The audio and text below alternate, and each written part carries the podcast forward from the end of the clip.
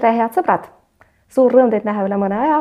täna on meil külas Indrek Neivelt, kellele tiitlit ma õigupoolest panna ei oskagi. tere tulemast, pange see endale palun ise. tere päevast! ettevõtja, visionäär, kuidas teile meeldib, teid nimetatakse? las ta olla, Indrek Neivelt lihtsalt. hästi, aga siis tahaks ikkagi teada, millega te parasjagu tegelete, Pocopay ja Pocosüssi müüsite ju maha ei, Pocopay ei ole veel maha müüdud, Pocosüssi müüsime maha, Pocopay müüme siis, kui saame Finantsinspektsioonilt loa. Pocosüssi eest on raha juba käes? jah. Pocopay eest veel mitte? hästi, aga mitte sellest ei tahtnud ma rääkida. siiski veel enne tõsiste teemade juurde asumist tahaks teada, miks teil maski ees ei ole, ma ei saa aru, kas te üldse minu tervisest ei hooli, mina panin maski ette, teil pole. no rääkida ei saa, tegelikult on see, et ega ma ei ole kusagil väljas käinud, ega ma ohtlik ei ole selles mõttes, viiruse kandja ma kindlasti ei ole. ja see teist, ennast ei kaitse, see kaitseb ainult seda teist no, piisavalt, ma... piisavalt kaugel ka. oleksite ju võinud võnnu peale mõelda. nojah, aga see on piisavalt kaugel, ma, kaks meetrit on ikka vahet. kaks meetrit on tõesti vahet Ehm, Indrek Neivelt, kui te, kui viimati valitsust moodustati, siis räägiti sellest, et teie võiksite olla rahandusminister. see käis tõsi küll enne, kui selgus, missugusele parteile see rahandusministri portfell läheb. aga teile väga ei meeldinud, kui selle küsimusega teie poole pöördusite, ütlesite, teiega pole keegi rääkinud. miks teile see küsimus ei meeldinud? ma ei tea, miks peaks see meeldima, selleks on ju valimised kõik, eks ole, kes sealt läbi käivad kogu sellest kadalipust, neid on seal sadu või tuhandeid inimesed, kes tahavad kõik seda posti saada. Et äh, ja pealegi on noh, Martin Helme on väga hästi oma ametiga hakka saanud, et tegelikult on ta väga tubli rahandusminister, miks me siin segame teda? Me ei sega teda sugugi, ma küsin seda sellepärast, et teid on Isamaaga seostatud pikemat aega. Kogu aeg on räägitud, et varem või hiljem koidab see päev, kui Neivelt läheb poliitikasse, seda pole siiamaani juhtunud. no vot seda räägitud juba üle kümne aasta, las nad räägivad veel järgmised kümme aastat veel siis või, või kakskümmend. aga miks nad räägivad, põhjus on ju selge, et vähemasti pensionireformi asjus on teie seisukohad Isamaaga üsna sarnased. no aga teistel, teistel teemadel olen jälle teistel teemadel, eks ole, et küll mind siin igasuguse seltskonnaga pannakse kokku, et äh, et poliitikasse minek pole teema ja. ei, poliitikasse minek ei ole teema ja veel kord, et ma arvan, et sellise Äh, sõltumatu mõtlejana on, on suurem väärtus kui lihtsalt üks, üks seal, üks karjas olla. aga siis äh, eelmise aasta alguses te palkasite isegi ju suhtekorraldaja, et olla nagu rohkem pildil ja paljud ei saanud aru, miks te seda teete. miks te seda tookord tegite? sellepärast, et see, äh, seesama, mis see pensioni värk on, eks ole, kui me vaatame fondide tootlusi, vaatasime kõiki tasusid, see kohe kuidagi ei jõudnud ühiskonnale kohale.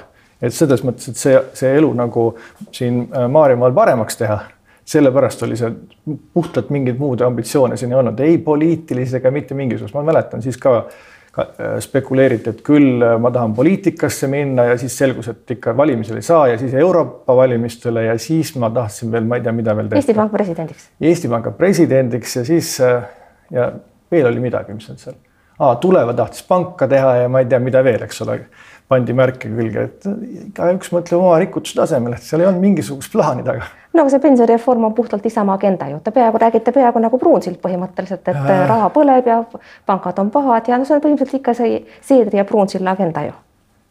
ma rääkisin sellest palju varem, kui nemad hakkasid rääkima nüüd, kui nüüd niimoodi tagasi tulla, sellest ma olen pikalt rääkinud sellest ja noh, kui kas keegi veel kahtleb, et, et raha põleb et kui võtta nüüd välja needsamad sügisesed kõik need ekspertide ja Eesti Panga analüütikute ennustused, kes ennustasid, eks ole, kaks tuhat kuuskümmend sendi täpsusega, missugune on see pension. võtku nüüd oma graafikud välja ja vaadaku seda, et kuidas seal siis läheb selle, selle graafiku täitmine, ei lähe kuidagi.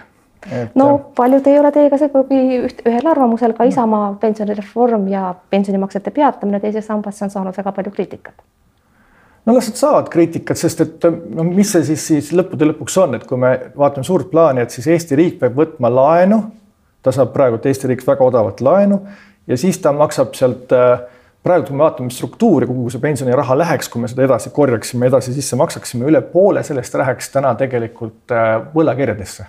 ehk et Eesti riik võtab raha sisse null protsendiga annab null protsendiga võlakirjadesse needsamad fondihaldurid ja sealt vahelt võtab null koma kuus protsenti fondihaldur endale. no mis mõte sel jamal on?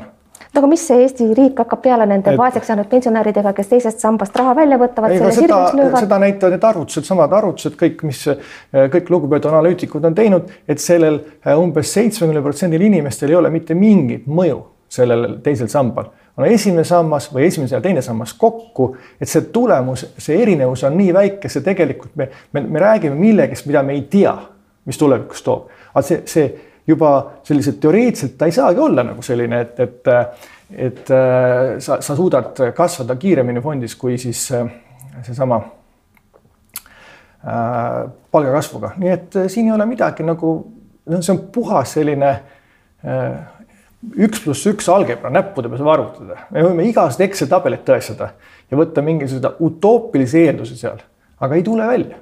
elu on lihtsam palju noh, mulle tundub, et lihtsustamine on kogu selle debati üks kurja juuri. Teie ise näiteks olete kasutades pärisorjuse kujundit äh, ikkagi nii mõnedki juhtmed kokku ajanud ja mulle tundub, et äh, see selline lihtsustav suhtumine võib-olla ongi selle debati teinud osaliselt ka naeruväärseks, kas ei, pole nii? ei tea, kas see pärisorjusega on tegelikult ju see on niimoodi, et kui sa vahetada ei saa seda äh, fondihaldurit, no ütleme nii, et sa välja ei saa, aga sa saad vahetada ainult fondihaldurit, nii nagu vanasti oli, et sa said ühest mõisast teise minna eks ole, aga, aga sa ei saanud kusagile linna minna tööle, eks ole. et see oli, see oli kogu aeg niimoodi, eks ole, siin sadu aastaid tagasi. nii et. No ma mäletan, see pärisorjuse kujund põhjustas ajakirjanduses sellise debati, mis oleks Pruunsillal peaaegu pea plahvatama pannud. et võib-olla ärme siis täna sinna lähme, sest pole, pole ju tarvis, et mõnel mehel pea plahvatab ei Pruunsill, ma ei tea, kas tal Barbelil nüüd pea plahvatas, aga, aga see on selles mõttes jah. kui tihti Pruunsillaga muidu praegu asju arutate võib-olla kord kuus. see on päris sagedasti, näitab, et ikkagi olete mõttekaaslased. ja me ikka vahest millega räägime. aga Seedriga? Teate, Seedriga on niimoodi, et ma arvan, et ma ei ole Seedriga vähemalt siin viimaste aastate jooksul isegi füüsiliselt kokku saanud, ma olen temaga paar korda telefoni teel rääkinud ainult, see on kõik. nii et temaga nii lähedast suhet pole? ei, ei ole ja veel kord, ma ei ole nagu üldse poliitikaga nagu seotud selles mõttes. olgu, härra Neivelt, ma ei kutsunudki teid siia ja, selleks, et, et teha kindlaks, et kas te olete poliitikaga seotud või ei ole, seda kui ei ole siiamaani välja selgitatud, siis vaevalt, et minagi seda täna suudan.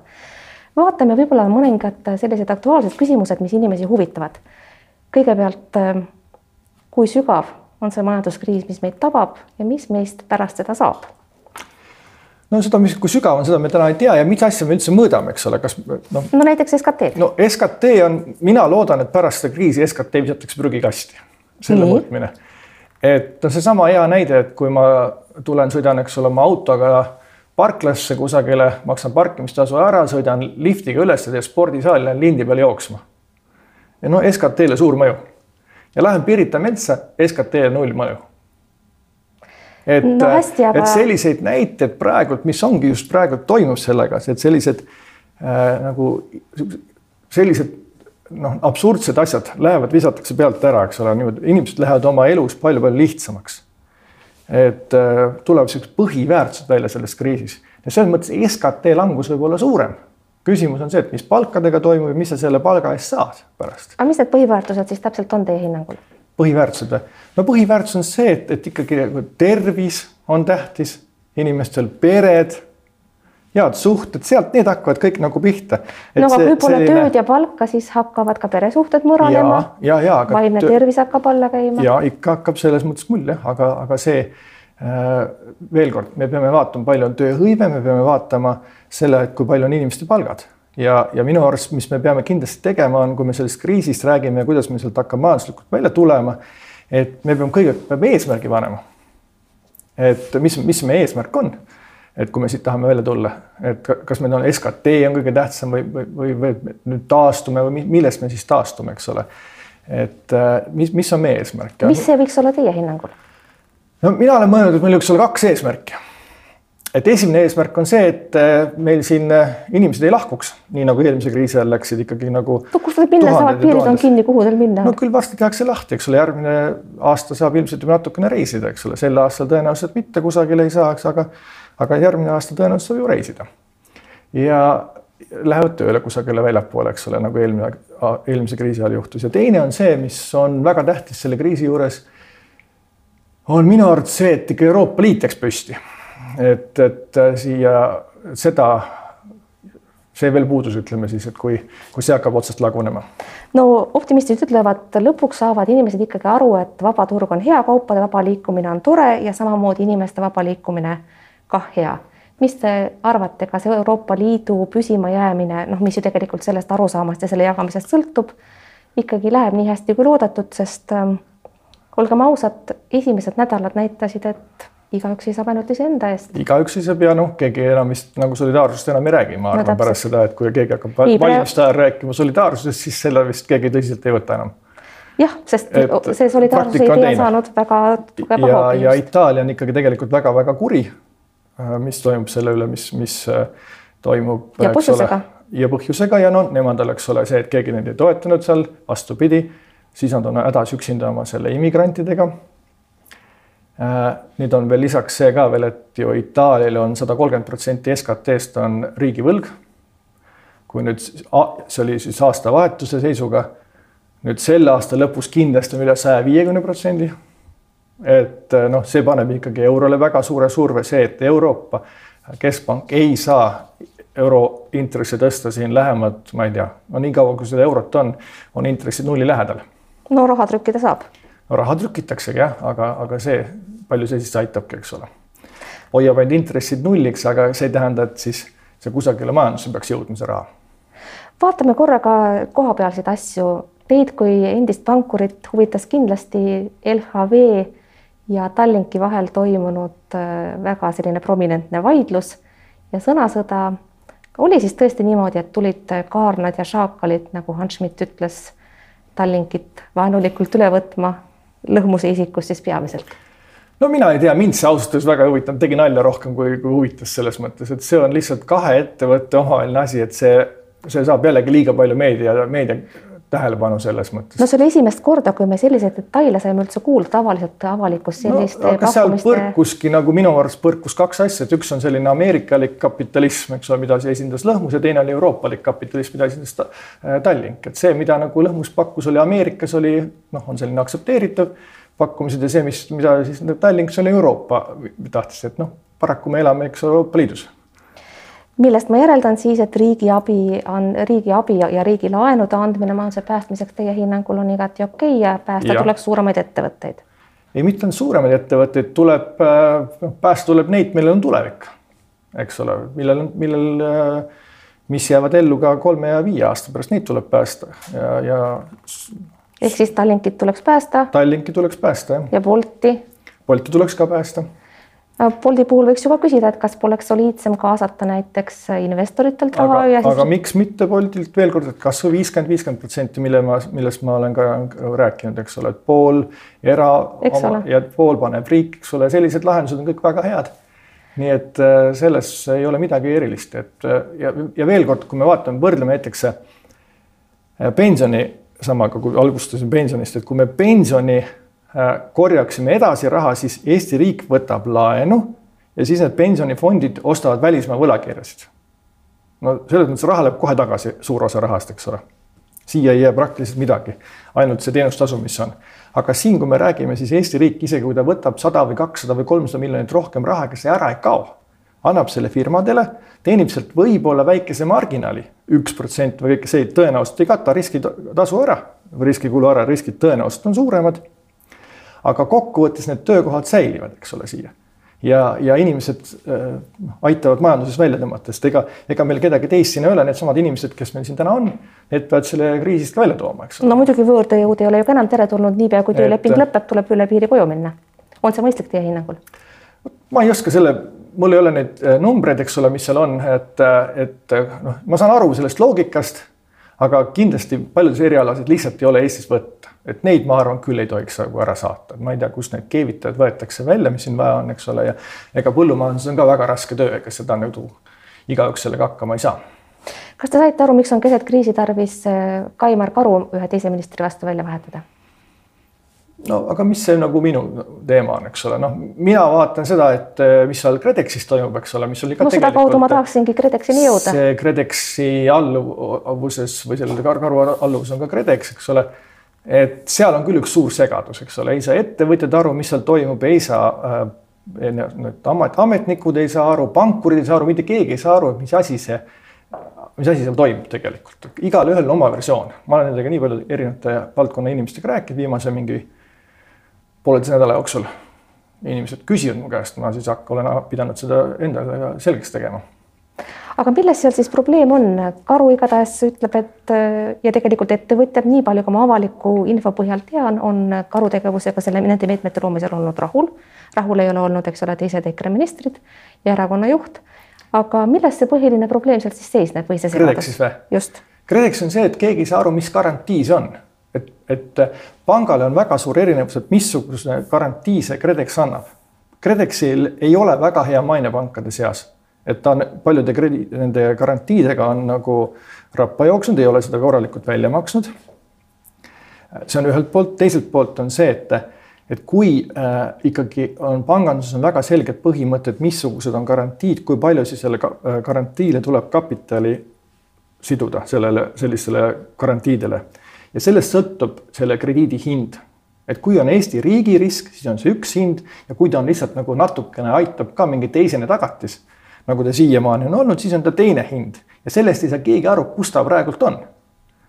nii et, et ja kui ma loen näiteks Euroopa Liidu dokumente, mis on andnud siia nagu juhised, et kuidas seda tuleb anda, siis ma saan väga selgelt aru, et see on puhtalt äh, selle KredExi risk ehk Eesti riigi risk, loen ka seadust, saan niimoodi aru, siis pannakse seal mingisugune viieteistkümne või ma ei tea, mitme protsendi piirang peale selle portfelli piirang.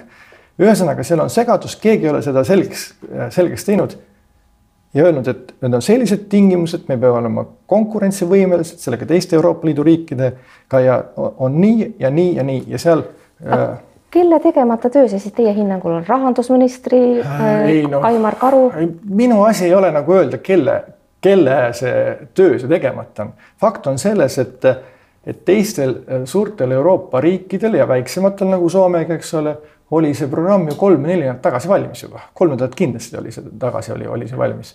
meie siiamaani tegelikult ei saa aru, mis asi see on, küsige ettevõtjate käest, küsige pankurite käest, ei saada aru. ehk siis Eesti riik on jäänud hiljaks äh, nende meetmete koostamisega ja see, mis on valmis saadud, on tehtud käpardlikult, kui lühidalt kokku võtta. noh, mina ju paneks sihukese silti juurde, käpardlikult lihtsalt on arusaamatu selles mõttes, mis asi see on missugune. ja missugune hind on, vaat seda, et, et see ei saa olla abi, ei saa olla, et intress on viis-kuus protsenti.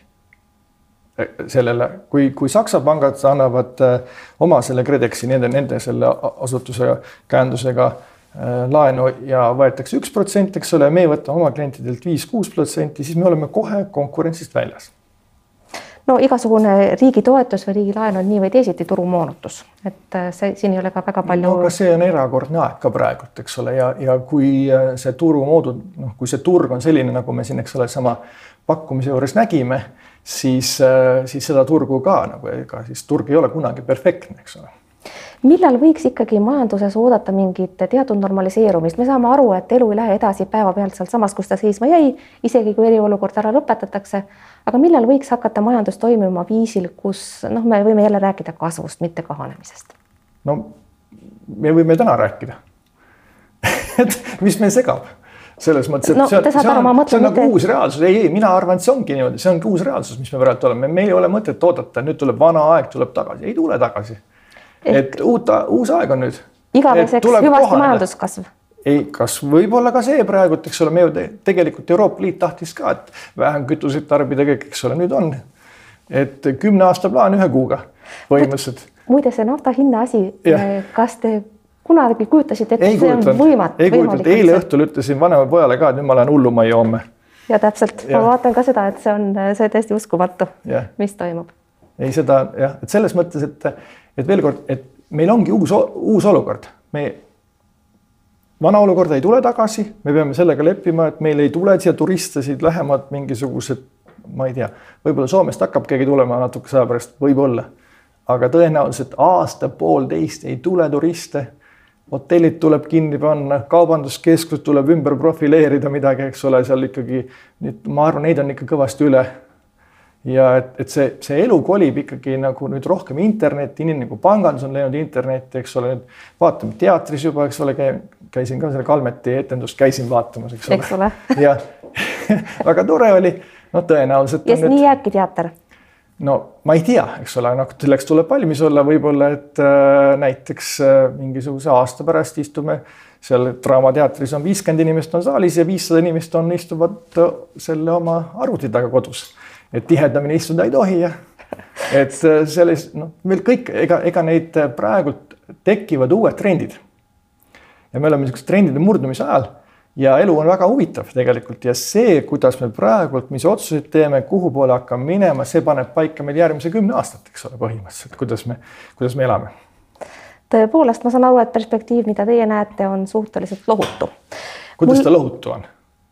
No mina tahaksin küll teatrisse minna, reisida tahaks ka juba sellel suvel, mitte järgmisel. sellel suvel võite minna Võrtsjärve äärde või Peipsi järve äärde või, või Hiiumaale või Saaremaale või, aga kaugemale tõenäoliselt ei saa no,, et äh, ei saa sel aastal. saab Minskisse ja Frankfurti, need on ainukesed lennud, mis lendavad Tallinna lennujaamast. jah, ma ei tea, kuidas sealt edasi saab, eks ole, mis sealt teha saab. Indrek Neivelt, olete ühes intervjuus öelnud Sulev Vedlerile, et olete õnnelik, elu on ilus, ainult mõtlen vahel, et vabadust tahaks. see vabaduse tahtmise tsitaat on öeldud enne seda, kui eriolukord kehtestati. kes siis teie vabadust piiras, millest oli puudus? no seesama, et kui me oleme nagu ettevõtjad, eks ole, kui me mõtleme, kui palju on igasuguseid piiranguid, kellele on vaja kõik aru anda, mille, mida sa tegeled. et see noh, see läheb nagunii üle, üle võlli, eks ole, igalt poolt. ja, ja see on, see oli see, mis ma kunagi ütlesin Sulevile ehm alustasime sellest, et mida te praegu teete ja, ja kuidas teid peaks õigupoolest nimetama.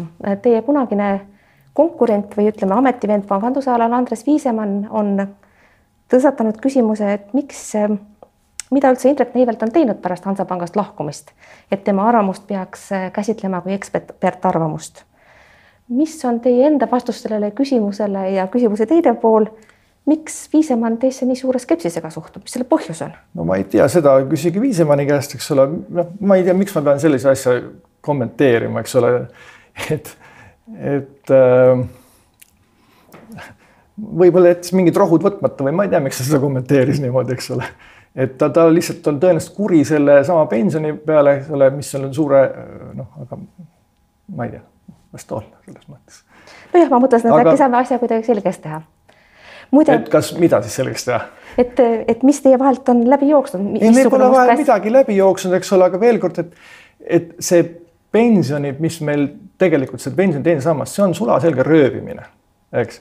ja seda, seda nagu mitte keegi ei võtnud seda teemat üles, meil on, eks ole, tarbijakaitseametid ja mis ametid meil siin kõik on, keegi ei kaitsnud rahvast tegelikult, eks ole. ja, ja, ja, ja siis seda lihtsalt oli kole vaadata, mis seal toimus ja, ja see ongi see, ja talle see ei meeldi, kui noh, kuulge, kui kellelgi on selline äri käes, kus ilma riskita teenid iga aasta kümme miljonit kasumit. Eks ole, siis. see on see põhjus. no ma arvan küll jah, et, et ja veel kord, et kui me oleksime need ramad regulaatorid, kes siin on, eks ole, ja rahandusministeeriumi töötajad, kõik oleks lihtsalt vaadanud oleks ühise hanke teinud või kõike, me oleks palju-palju paremas kohas olnud, kui me tegelikult praegult oleme, see on noh, sulaselge sigadus, mis on toimunud selles valdkonnas, ma kohe nagu ärritun, kui ma selle selle, selle peale hästi, meil, meil ei ole enam aega, et sinna minna, tahaks veel küsida selle kohta, et teil oli selline mõte, et Swedbanki võiks tagasi osta, mitte ainult teil, vaid ka teistel inimestel, kellega te seda arutlesite. ja selle üle arutlesite, ma saan aru, see idee läks vett vedama, aga ausalt öeldes oli ju ka päris äh, ebareaalne asi, täitsa müstika, pidigi jääma müstikaks. Või kuidas? Ei, selles mõttes ei ole midagi müstikat, et tegelikult on panganduses on selline, ma arvan, et sellest kriisist tuleb see asi veelgi rohkem välja. et kui me vaatame, mis on panganduses toimunud, et, et on niimoodi, et selles finantstehnoloogia revolutsioonis või kuidas me nimetame seda, et on väga palju selliseid spetsialiseerinud mängijaid, kes teevad. võtame hästi lühidalt, meil on üks no, ma ei saa lühidalt, kes tegelevad, see on nii suur küsimus, ma võin sellest omakorda pool tundi rääkida. pool tundi meil ei ole, ainult no, üks minut. siis pange siis, lõpetame ära, pärast räägin edasi aga et äh, see on äh, need, kes on spetsialiseerunud mingile kindlale tootele. aga kedagi ei huvita selline pangandus, mis puudutab sellist ühiskonda, kes annaks odavat krediiti ühiskonna vajalike ettevõtete äh, selleks opereerimiseks. millest ma saan aru, et teie see helesinine Selline... unistus on ikka veel endiselt elus? Ei, mul ei ole mingeid helesiniseid unistusi, eks ole, ma saan aru, et tegelikult rahval ei ole seda vaja, on ju midagi, et rahval ei ole pensionireformi vaja, rahval ei ole midagi vaja. kõigil on väga hästi, selles mõttes ma, ma sain sellest ammu aru ja ma rohkem ei tegele nende teemadega. ei ole mõtet nagu sihukest idealisti ka mängida, et tuleb realistina elada, elada rahulikult edasi, kõik on Indrek väga hea. idealistidest on alati puudus. räägime pärast eetrit uuesti edasi. suur tänu, et tulite stuudiosse, head sõbrad, teie jaoks aga lõpeb saade siinkohal. aitäh, et te vaatasite, vaadake teinekord ikka jälle. Kuulmiseni, nägemiseni. ಸರಿ